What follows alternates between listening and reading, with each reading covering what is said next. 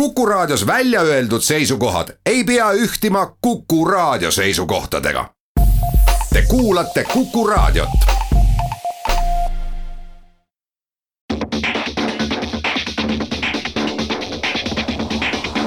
autotund. see on saade sulle, kui sul pole päris ükskõik, millise autoga sa sõidad.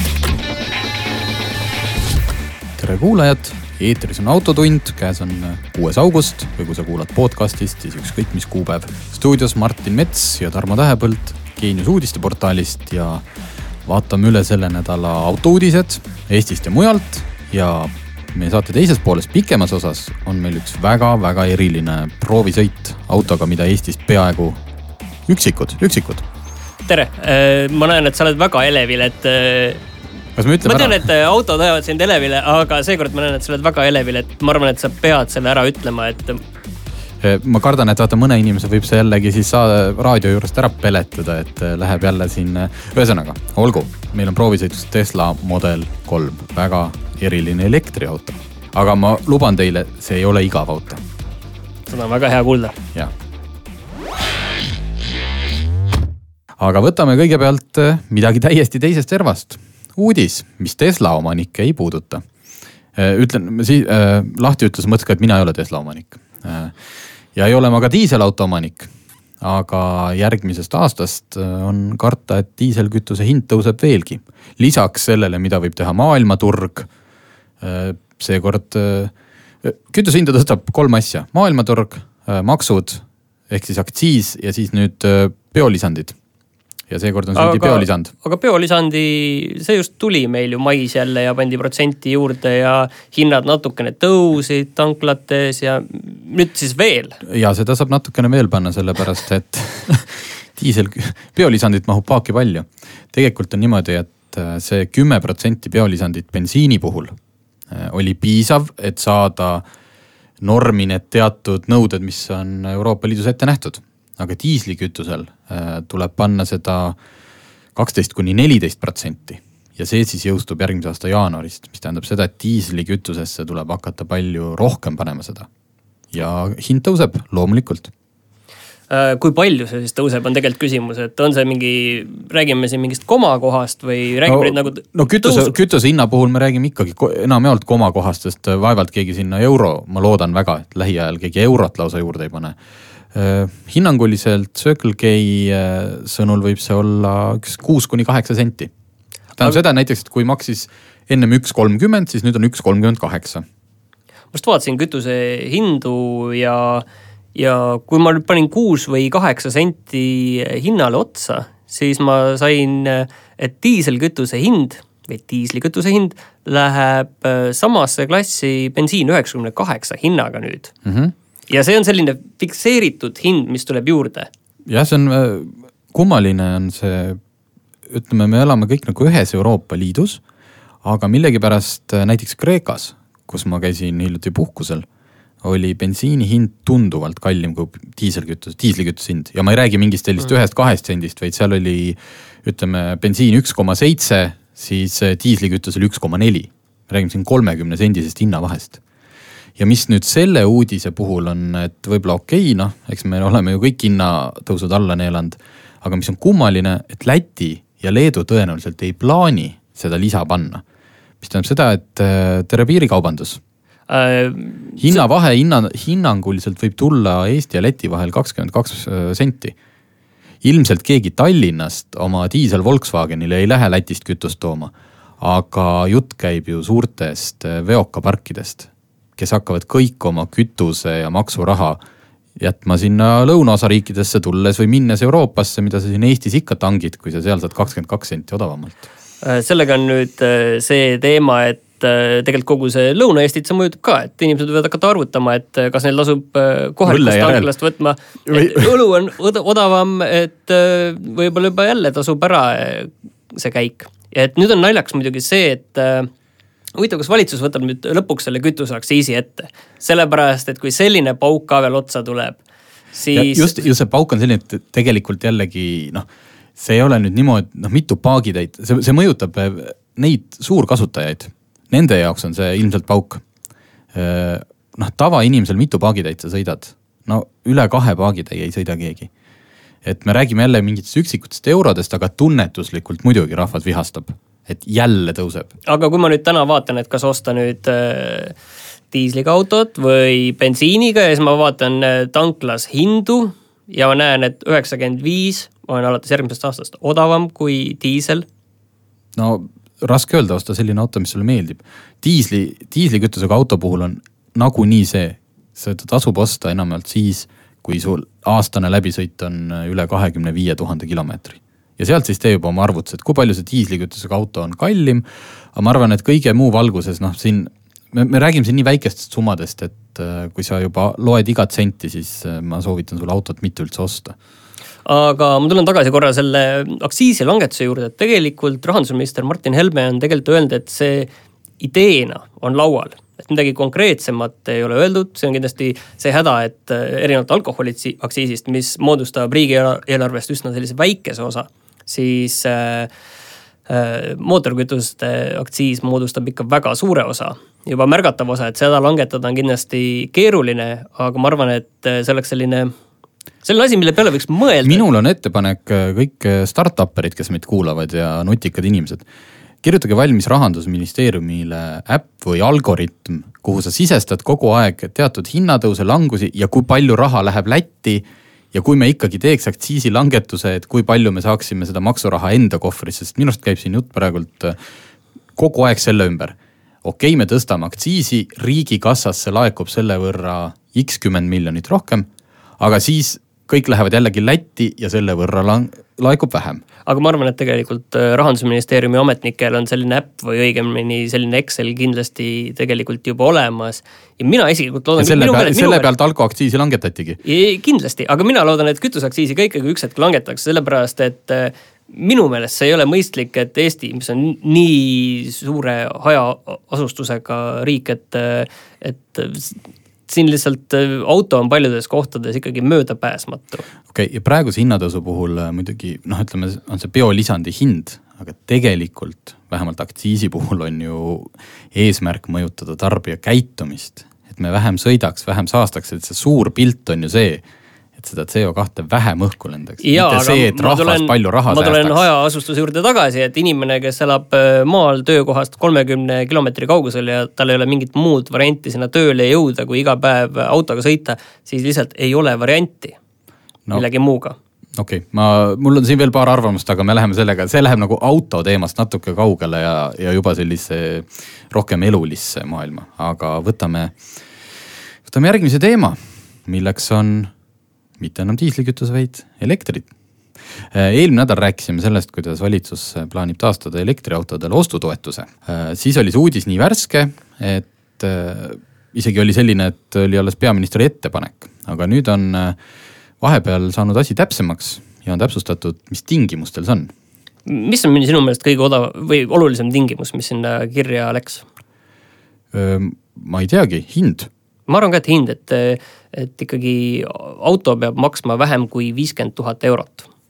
väga huvitav, see eemaldab võrrandist jah, need pre-, uued premium-klassi maast-, linnamaasturid Aga.... Jaguar E-Pace, Jaguar äh,, Audi e-tron.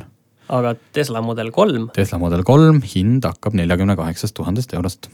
nüüd on see, et kas see, mõnes riigis on see, et see peab selle hinna kirjas peab olema selline, äh, sellise hinnaga mudel, siin on muidugi, et auto hind, no vot raske öelda, kas ostetava auto hind ei tohi ületada, sest aga kui ma ostan auto näiteks, huvitav, äh, ostan äh, Soomest, Rootsist selle Model kolme, et siis, siis ma ikka saan selle toetuse. noh, ilmselt kui sa võtad Eesti registrisse ju, selles mõttes ei ole vahet, kust sa auto ostad, ta tuleb Eesti registrisse. no vot ei tea, see on hea küsimus, et kas teisest riigist ostes, sest näiteks mäletan hmm,, oli äkki Kanada kus Tesla pani müüki, ütleme, et oli Kanada, võib-olla oli mingi Ameerika osariik. pani nii-öelda hinna kirja ühe Tesla Model kolme mudeli, noh, mille aku oli põhimõtteliselt olematu ja hind oli hästi väike, noh, mitte keegi ei osta seda.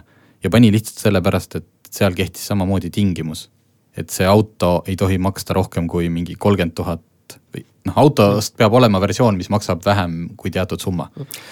teeme väikse pausi ja siis räägime nendest teistest tingimustest edasi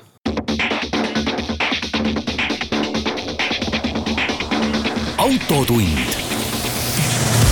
see on saade sulle, kui sul pole päris ükskõik, millise autoga sa sõidad. autotund on pausilt tagasi jäime siia rääkima elektriautode toetuse tingimustest. et see ei ole päris nii, et äh, valid oma lemmiku välja, ostad ära ja siis küsid riigilt viis tuhat äh, eurot tagasi et äh, mis sa sealt veel välja lugesid, mis tingimused on? ma saan aru, et üks huvitav tingimus on veel see, et sa saad muidugi osta ühe auto ainult, sa ei saa endale osta mitut et, autot. ühesõnaga, et taksopargid ei saa seda asja kasutada? juriidilised isikud ehk firmad saavad siis osta Mitu? kuni viisteist autot. okei okay no iseenesest see... mõistlik, sest tegelikult ju eesmärk ongi neid äh, rohkelt sõidus olevaid äh, autosid äh, välja vahetada. ja, ja veel üks tingimus on siis see, et autoga tuleb sõita nelja aasta jooksul vähemalt kaheksakümmend tuhat kilomeetrit, nendest kuuskümmend neli tuhat Eestis. okei okay,, sellest kilomeetri piirang, selles mõttes no miinimumpiirangust ma saan aru, sest see on jällegi, et et oluline on välja vahetada neid autosid, mis rohkelt sõidavad. aga mis see Eesti ja välismaa et keegi välismaal ei ostaks seda, jah? Ilmselt jah. et tuleb keegi tea. Euroopa vaba li-, kaupade inimeste liikumine, et tuleb üks hispaanlane, ostab omale elektriauto ja läheb, sõidab sellega. mind, mind huvitab see, et kuidas seda vahet nüüd tehakse, et ma kuuskümmend neli tuhat võin Eestis sõita ja kokku pean kaheksakümmend tuhat, et eh, kuidas võetakse seda, et palju ma olen sõitnud näiteks eh, Lätti eh, ja seal paakidega diislit toonud endale naabrimehele, et, et kuidas seda hakatakse vaatama ma ei oska sulle vastata, aga ma arvan, et see niimoodi, et palun, et siin on siin on teile see viis tuhat eurot ja siin on äh, selline seadeldis, palun kinnitage see oma auto kindlalaekasse. Ei tea, noh, ütlen, et äh, kuna seda ei ole ju veel minu arust valitsus ei ole seda kinnitanud, vaid need kõik on alles äh, kava ja kava on, et sügisel see käiku lasta Just. ja eksperdid on öeldud nii palju, et see ilmselt läheb väga-väga ruttu, läheb see kasutatakse see toetused ära, need autod, kakssada midagi autot ostetakse ära sellega. aga see pärast seda tekitab äh, mõõna, sellepärast et kes see tahab olla see, kes ostab elektriauto pärast seda, kui seda viie tuhande eurost toetust enam ei saa. kindlasti on need inimesed, kellel praegu seda toetust pole ka vaja ja kes ostaksid selle elektriauto niikuinii aga kui sa tunned ikka, et lihtsalt, kui ma nüüd näiteks oletame, et septembris see toetus tuleb ja siis oktoobris on juba kõik läinud ja mina tahaks neid oktoobris osta ma ei taha nagu viis tuhat eurot rohkem maksta, äkki tuleb uus toetus. no vot see pigem, pigem on, pigem on see, et mis sõnumi valitsus pärast seda välja annab. kui ta ütleb kindlalt, et nagu oli praegult, et nüüd tuleb mingi viieaastane paus. no siis ikka ostetakse, siis sa ei hakka ju ja, mõtlema. aga kui jääb jälle õhku, et räägime, võib-olla järgmine aasta on midagi plaanis, siis küll jah, siis võib kõik elektriautomüüjad Eestis kuueks kuuks omal üldse selle hinnakirjast maha võtta, sest kõik jäävad seda valitsuse asja ootama, nii et selles mõttes oleks ikkagi mõistlik mingi väga pikk arengukava panna paika, et inimesed saaksid ka oma ostuotsuseid äh, vastavalt äh, sättida. kui me eelmine nädal äh, rääkisime, et et riik võiks selle raha hoopis investeerida laadimistaristusse, siis nüüd tuli uudis, et et vaikselt see taristu hakkab ka natukene paremuse poole minema millalgi sügisel. jah, taristusse noh see on natuke paremini, praegult ma just lugesin internetis, Facebookis on äh, elektriautode grupp eestikeelne, kus on, me oleme mõlemad seal liikmed, kus on ikka noh, üks iga teine postitus natuke utreeritult on teemal selles, et on need laadijad Eestis, need, mis siis Elmoga kunagi püsti pandi. Ja seal ees on A, kas keegi ennast kinni parkinud, pargivad seal taksod ja kõige hullem variant on see, et keegi elektriauto seisab seal ees, sest see on tasuta parkimiskoht. Mm.. aga ta ei lae. Et keegi on lihtsalt eh, julmalt kasutanud ära seda tasuta parkimisvõimalust. Ja see ongi see elektriautode minu arust, minu jaoks kõige suurem traagika. et ma alles mõtlen, et olgu, ma lähen õhtul, lähen poodi, panen oma auto laadima ja siis avastan, et seal on kolm tükki järjekorras ja see on tüütu. Need pildid saadavad jah väga vale signaali mulle ka, kui ma võiks mõelda, et ostaks elektriauto, siis eh, neetud, jälle on see laadija kinni ja ei saa laadida, et noh kütu, teiste kütustega seda probleemi ei ole, et, et millal oli probleem, et sa pidid, sa lähed võib-olla natukene ärritud, kui sa pead bensiinijaamas juba kolme auto järel ootama ja, mingil tipptunnil. mitte kolme auto, purksiostjate järel. jah, kus sa oled, no mis asja sa teed seal nii kaua seal ja. sees? ühesõnaga noh, enda lihtsustatud ja see mikrofoni taga targutada, aga kui need samad need laadimisjaamad, et nad on juba sinna pandud. ilmselt on siis seal maa alt mingi infra veetud et noh, sinna kõrvale veel kolm-neli jaama, et noh, neid, neid voolikuid läheks rohkem sealt välja, et isegi kui mingi tolvani on jäänud sinna parkima, lihtsalt ülbe. et siis, äh, see oleks teistel rohkem võimalusi. et äh, olgu, aga mis me, ma ei oska rohkem midagi riigile nõu anda, tegelege palun veel eelmise nädala juurde hästi kiirelt tagasi pöördudes, kus äh, rääkisime, et BMW tutvustas järjekordset uut linnamaasturi plaani, õigemini see lekkis kuskilt et äh, siis ma räntisin või laamendasin teemal, et noh, et kas tõesti ongi varsti müügisaalis kaheksakümmend eri mudelit. ja kohe järgnes kõlakas, et hoopis, tegelikult on BMW-l praegu päris rasked ajad, sest nad on maha jäänud elektrivankrist, nad on maha jäänud hübriidivankrist. Ja, ja üldse on nad natukene valesid otsuseid teinud, et hoopis hakatakse mudelid maha võtma.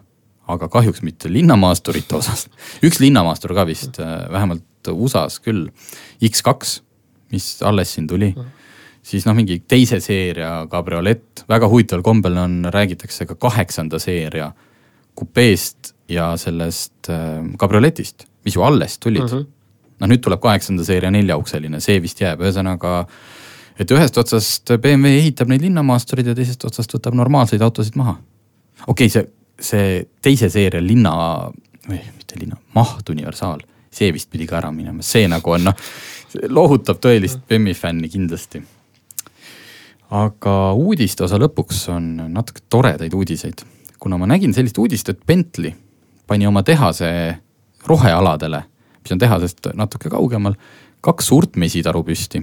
Ma lihtsalt küsin kohe ära, et kas see on kuidagi seotud selle kõige esimese diisliuudisega enam-vähem, et äh, kuidagi mingi süsinikdioksiidi no, heitmekogustega? ei, selle, selle pealt Bentley ei saa, aga see oleks nüüd päris geniaalne, et kui sa teed hästi palju loodussõbralikke muid tegevusi, näiteks istutad metsa, et siis sa võid äh, V12 mootorid ma olen aru saanud, et selles mõttes, et mõned tanklad pääsevad, pääsesid ju sellest mm -hmm. etanooli sisalduse nõudest, sest nad müüvad samal ajal loodussõbralikku gaasi. et kui saaks kõike niimoodi üle kanda mujale, aga ei, Bentley'l on see ilmselgelt selline tore PR projekt et need äh, kaks taru toodavad umbes viiekümne purgi jagu mett aastas, mis tähendab seda, et neid väga eksklusiivsed kliendid saavad osta.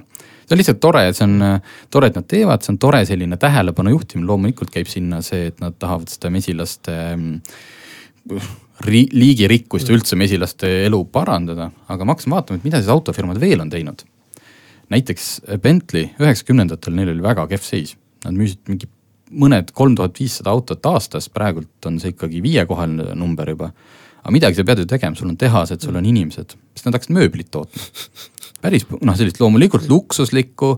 nüüd on see tagasi tõmmatud, see on antud ühele teisele ettevõttele välja, aga noh, nagu Bentley brändi alt, sa saad osta Bentley mööblit. nii, siis loomulikult me teame, et Lamborghini teeb jätkuvalt traktoreid. Lamborghini tegi ka varem traktorid enne, kui ta üldse autofirmaks sai.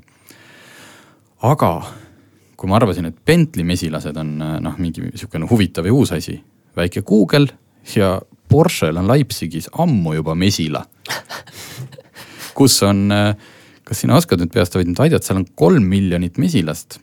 Äh, Bentley'l on neid paarsada tuhat ainult, kes toodavad äh, umbes kaks tuhat kakssada naela mett aastas. ehk siis ühe vanaaegse Porsche mm. üheksa üks üks kaalu jagu. Mm. Ja seda isegi saab osta, aga ainult sealtsamast tehase suveni, tehase suveniiripoest, just. ja eelmine aasta üks selline mitmesaja kilone esimene lõige, saak, saak müüdi maha paari päevaga. aga ka see ei ole veel kõik.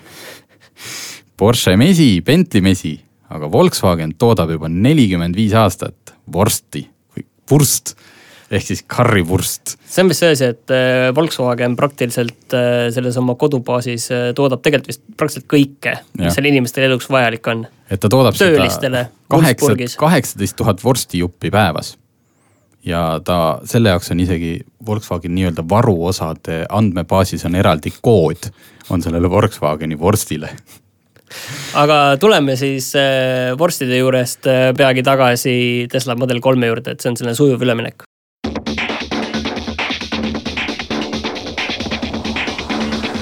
Autotund. see on saade sulle, kui sul pole päris ükskõik, millise autoga sa sõidad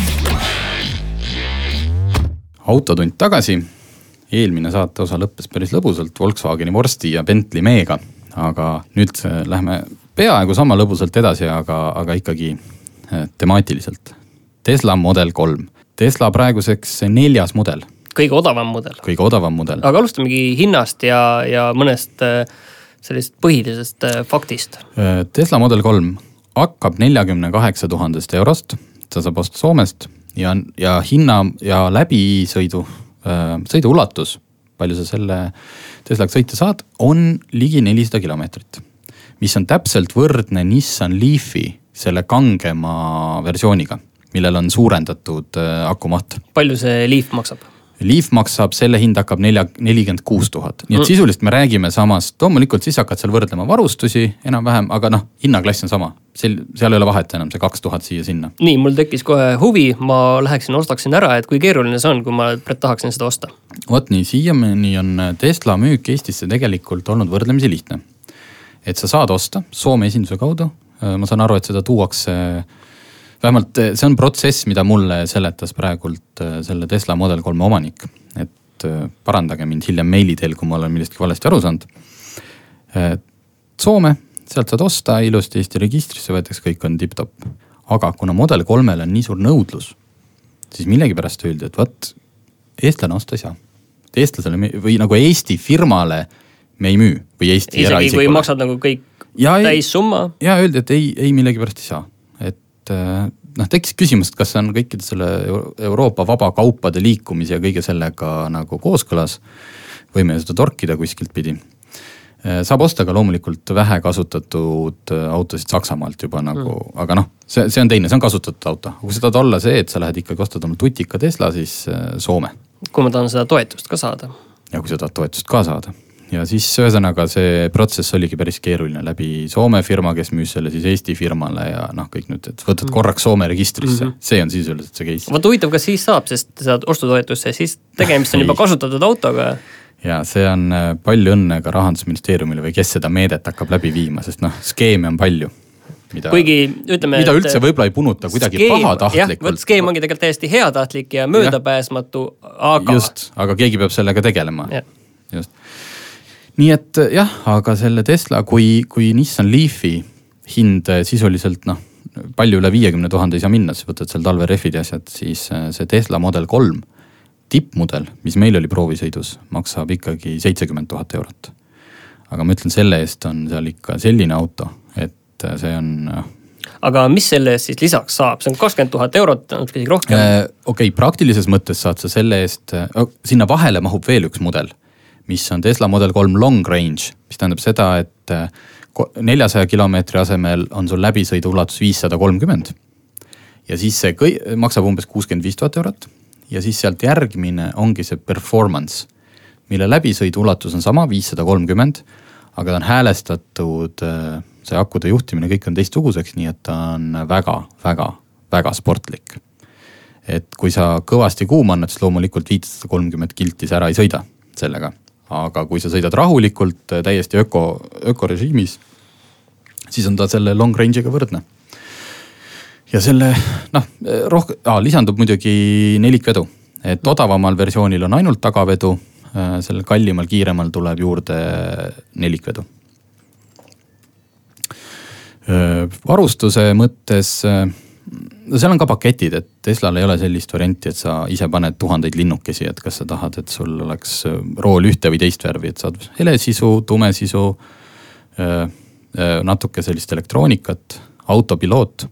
sellel autol ma ütlen, ma ei saanud testida seda autopiloodi toimimist, sest tal ei olnud seda sisse lülitatud. selle saad omal nii-öelda juurde osta, et noh, Tesla on ju sisuliselt arvuti mis tähendab seda, et enamik asju peale noh, ma ei tea, valuvälgede ja tõesti istmevärvi käib äh, läbi äh, arvuti. ja kui sul on mingit lisavarustust vaja, siis see lihtsalt aktiveeritakse. ma eeldan, et tal kõik need andurid on äh, vaikimisi juba peal olemas mm. -hmm. et sa mingeid kaameraid lisada sinna ei saa miks ei olnud sellel autol autopilooti, mitte et omanik oleks kuidagi olnud jällegi noh, ah ma ei taha seda või mis ma selle asjaga teen. ei, ta oli väga huvitatud sellest. aga nüüd me jõuame kohta, kus ma saan öelda, et Tesla nagu Apple, sinal vist ei ole väga Apple'i, aga kuna sa töötad tehnika ajakirjanduses, see on see, et kui sul on Apple'i konto, millega on seotud kõik su seadmed ja, ja ostad selle kaudu äppe, nii. kui sul parool näiteks kaotsi läheb või midagi juhtub, siis ta varem, see läheb lukku noh, siis sa pead hakkama suhtlema Apple'i klienditeenindusega, kuidas sa selle lahti saad. ja siin oli sama lugu, et inimesel oli Tesla äh, konto olemas paar aastat tagasi mm, -hmm. ta tegi juba, broneeris oma selle Tesla Model kolme. aga nüüd, kuna selle auto pidi ostma üks teine firma, kes pani sinna ruttu mingi oma aadressi sisse, ühesõnaga. nüüd on tegeletud paar nädalat sellega, et noh, kuidas saada see oma konto ühendatud selle Tesla autoga. kuhu me jõudnud oleme, et äh, autokonto on probleem, aga tegelikult. mitte võti ei ole kadunud yeah., vaid parool on kadunud. aga mul on tegelikult üks praktiline küsimus veel, et kui ma nüüd äh, lähengi ja ostan selle auto, et kes mul seda hooldama hakkab, et kas ma pean siis Soomes, jah. et selle jaoks pean eraldi minema Soome ja, ja seal tehakse esinduses hooldus ja, ja. et see, sellega ja... sa pead praegult leppima, et äh, garantii asjad, et sa pead ikka käima Tesla esinduses. muidugi äh, Teslasid äh,, vot ma ei valmistanud äh, selleks küsimuseks, et ma ei tea, kui pikk see hooldevälp on, aga mm -hmm. nagu me teame, siis elektriautodel ju ei ole õlivahetust, ei ole mingeid äh, neid vedelikke, mida esma, noh, kõige tihedamini hoolduses tuleb vahetada. nii et selle võrra ilmselt on need välbad pikemad, aga jah, sa pead sellega leppima. et Soome, aga mis me siin jõuame enne, enne pausi veel ära rääkida, et mis sa seal rahast siis saad? et on ju räägitud Tesla sellest, et see sisu ei vasta nagu hinnaklassile. sa mõtled nüüd äh, lihtsalt äh, see interjöör, interjöör, interjöör jah et.... tool pole piisavalt mugav ja piisavalt nahkne. Äh, ta on väga nahkne ja lihtsalt võetakse selle järgi, et need Model S-id, kui need esimesed tulema hakkasid uh, -huh. nad ikkagi maksid sada tuhat ja rohkem eurot. siis eh, noh, inimene, kes on tulnud saja tuhande eurosest BMW-st või Mercedesest, eeldab nagu midagi täitsa teistsugust. Teslad on tõepoolest seest plastised see nahk on ilmselgelt, eh, ta ei ole otse vasika seljast, eks ju, nülitud, tõenäoliselt mingi vinüül, võib-olla isegi vegan, ma ei tea. et eh, jah, kui sa hakkad niimoodi võrdlema, siis on ta seest, ei ole võrreldav selle premium klassiga, mis on sakslased ja, ja rootslased. aga kui me võrdleme Nissan Leafiga? Nissan Leafiga, ma arvan, et täpselt sama, et hmm. me peame arvestama seda, et seal sees on ju see, see, mis seal maksab, on see akutehnoloogia ja kõik. ja, ja arvestades, kui raske on Teslal äh, majanduslikult, sest kogu see arendustöö ju peab ka mahtuma selle hinna sisse, siis äh, ühesõnaga ma ootasin midagi palju hullemat ma ootasin, et seal on ikka selline rõve mingi, vabandust, noh, mingi, mingi odava, ma nime ei nimeta, ärme solva kedagi, margiplastik sees. ei olnud, täiesti talutav. lihtsalt unusta ära, et see on seitsekümmend tuhat, sa ei tohi seda vaadata sellise pilguga. ja mis, mis oli nagu kõige, et puhas ostusoovitus, et kui te nüüd plaanite tellida omale ja vaatate, oo, mulle meeldib hele nahksisu. mulle ka meeldib õudselt, ma tahaks kõik. aga, aga sa jõuad kuskile agani jah? jaa, aga see nahk, need nahktoolid seal, need on valged, need on lumivalged, kirgasvalged. mis tähendab seda, et äh, noh, eks see on ikka, kui sa lähed natukene tolmuse käega, siis sa juba ju näed seal peal seda riipu yeah., mida võib-olla natuke kollakamal või tumedamal heledal nahal ei näeks, et see on ikka müstiline, see kujutan ette, kui sa diskosaalis paneksid selle fluorestseeruva tule põlema, siis see Tesla sisu niimoodi plahvataks. aga noh, tellige tumeda nahksisuga või siis olge hästi puhtad inimesed. tuleme siis kohe tagasi ja siis räägime sellest, et äh, kuidas selle kiirendusega ikkagi on.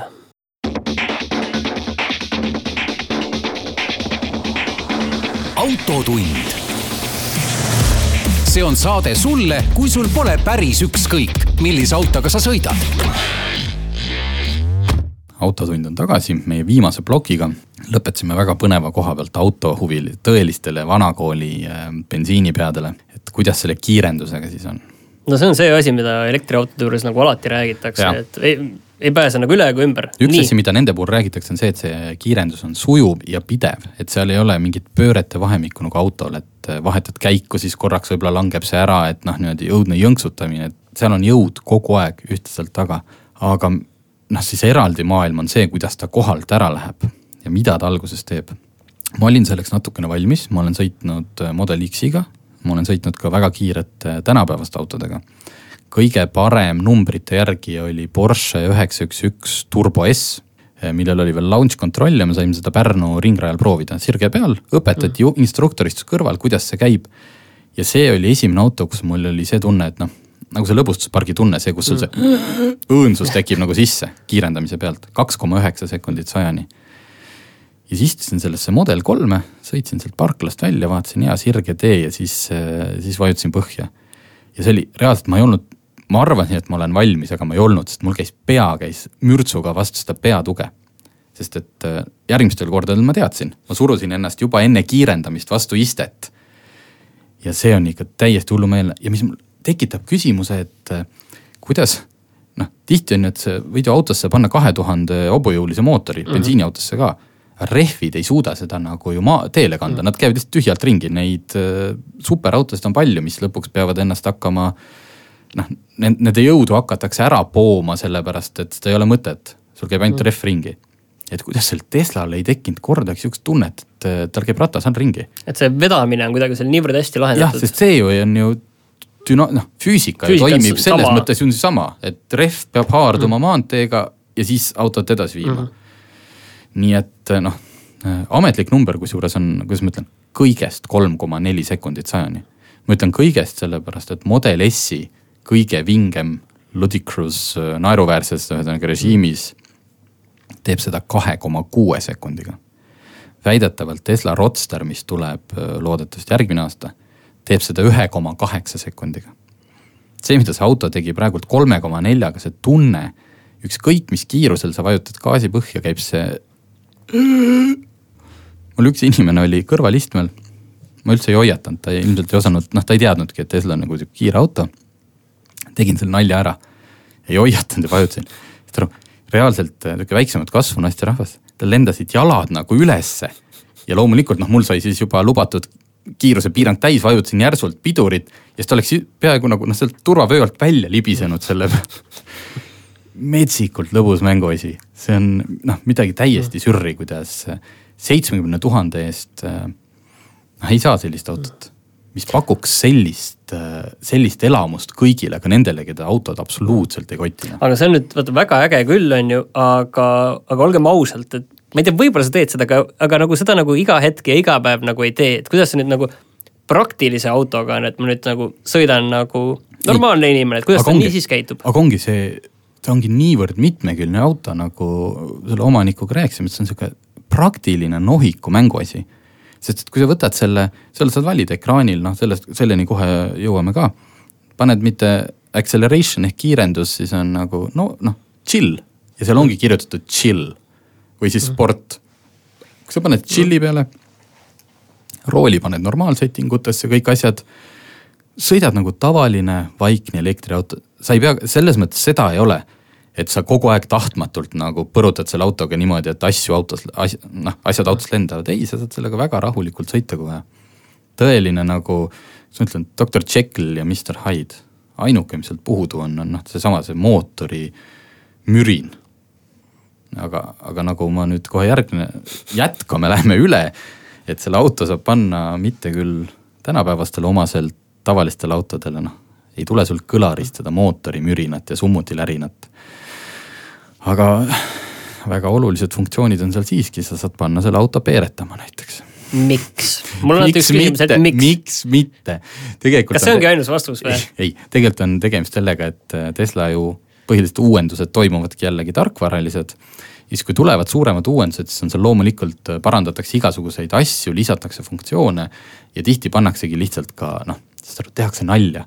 ja mulle see meeldib, see nali sellepärast, et mitte, mitte, ükskõik, kas see on peer või on see, seal on teised asjad, et su naviekraan muutub marsipinnaks, nii et sa sõidad nagu marsipinnal. sa saad panna omal kamina, noh, istud tagaistmel, prilliga vaatad päikeseloojangut, kamin köeb, eks ju see on nagu see Telia Teli, täpselt, täpselt kanal. nagu Telia, Telia kanal. Peeru asi on see, et sa saad panna, et suuna tulekange, et kui seda lülitad, siis ta teeb erinevaid Peeru hääli. siis see on see, et sa ei tahaks seda kasutada või vastupidi, ei tahaks no, või? see on selleks ilmselt lastel naljakas, sõpradel teed paar korda nalja, siis lülitad välja jälle.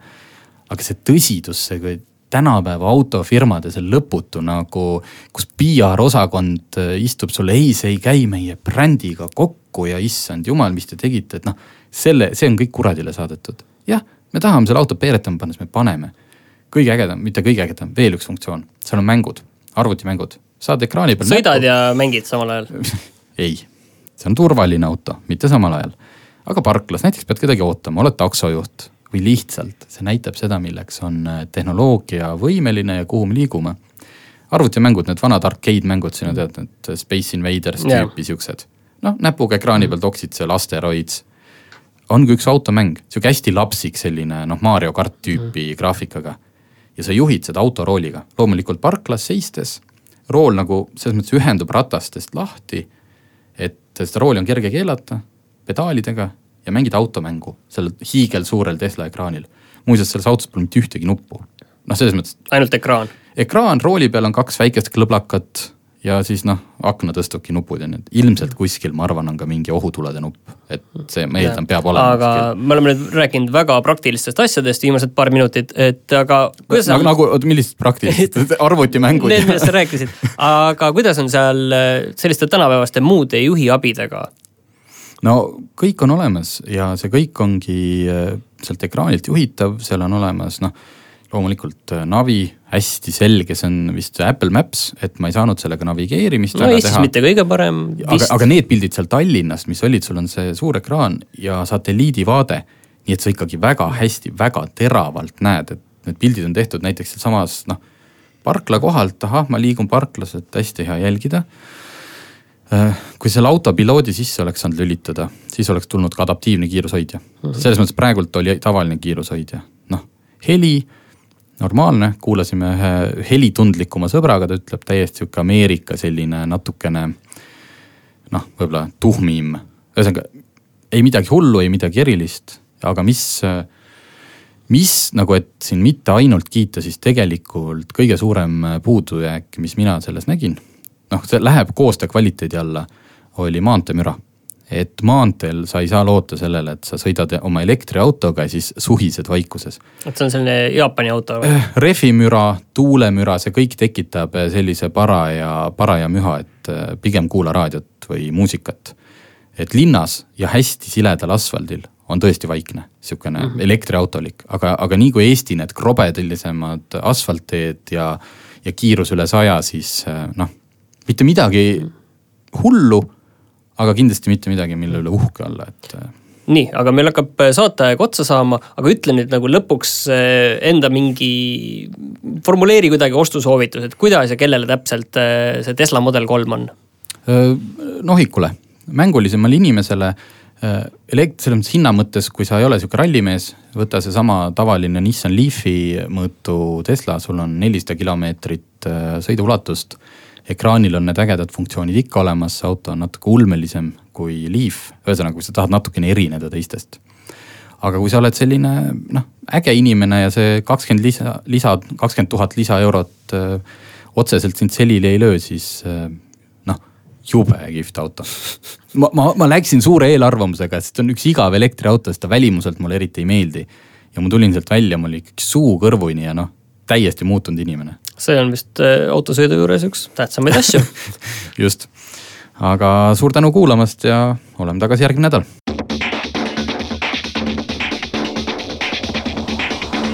autotund. see on saade sulle, kui sul pole päris ükskõik, millise autoga sa sõidad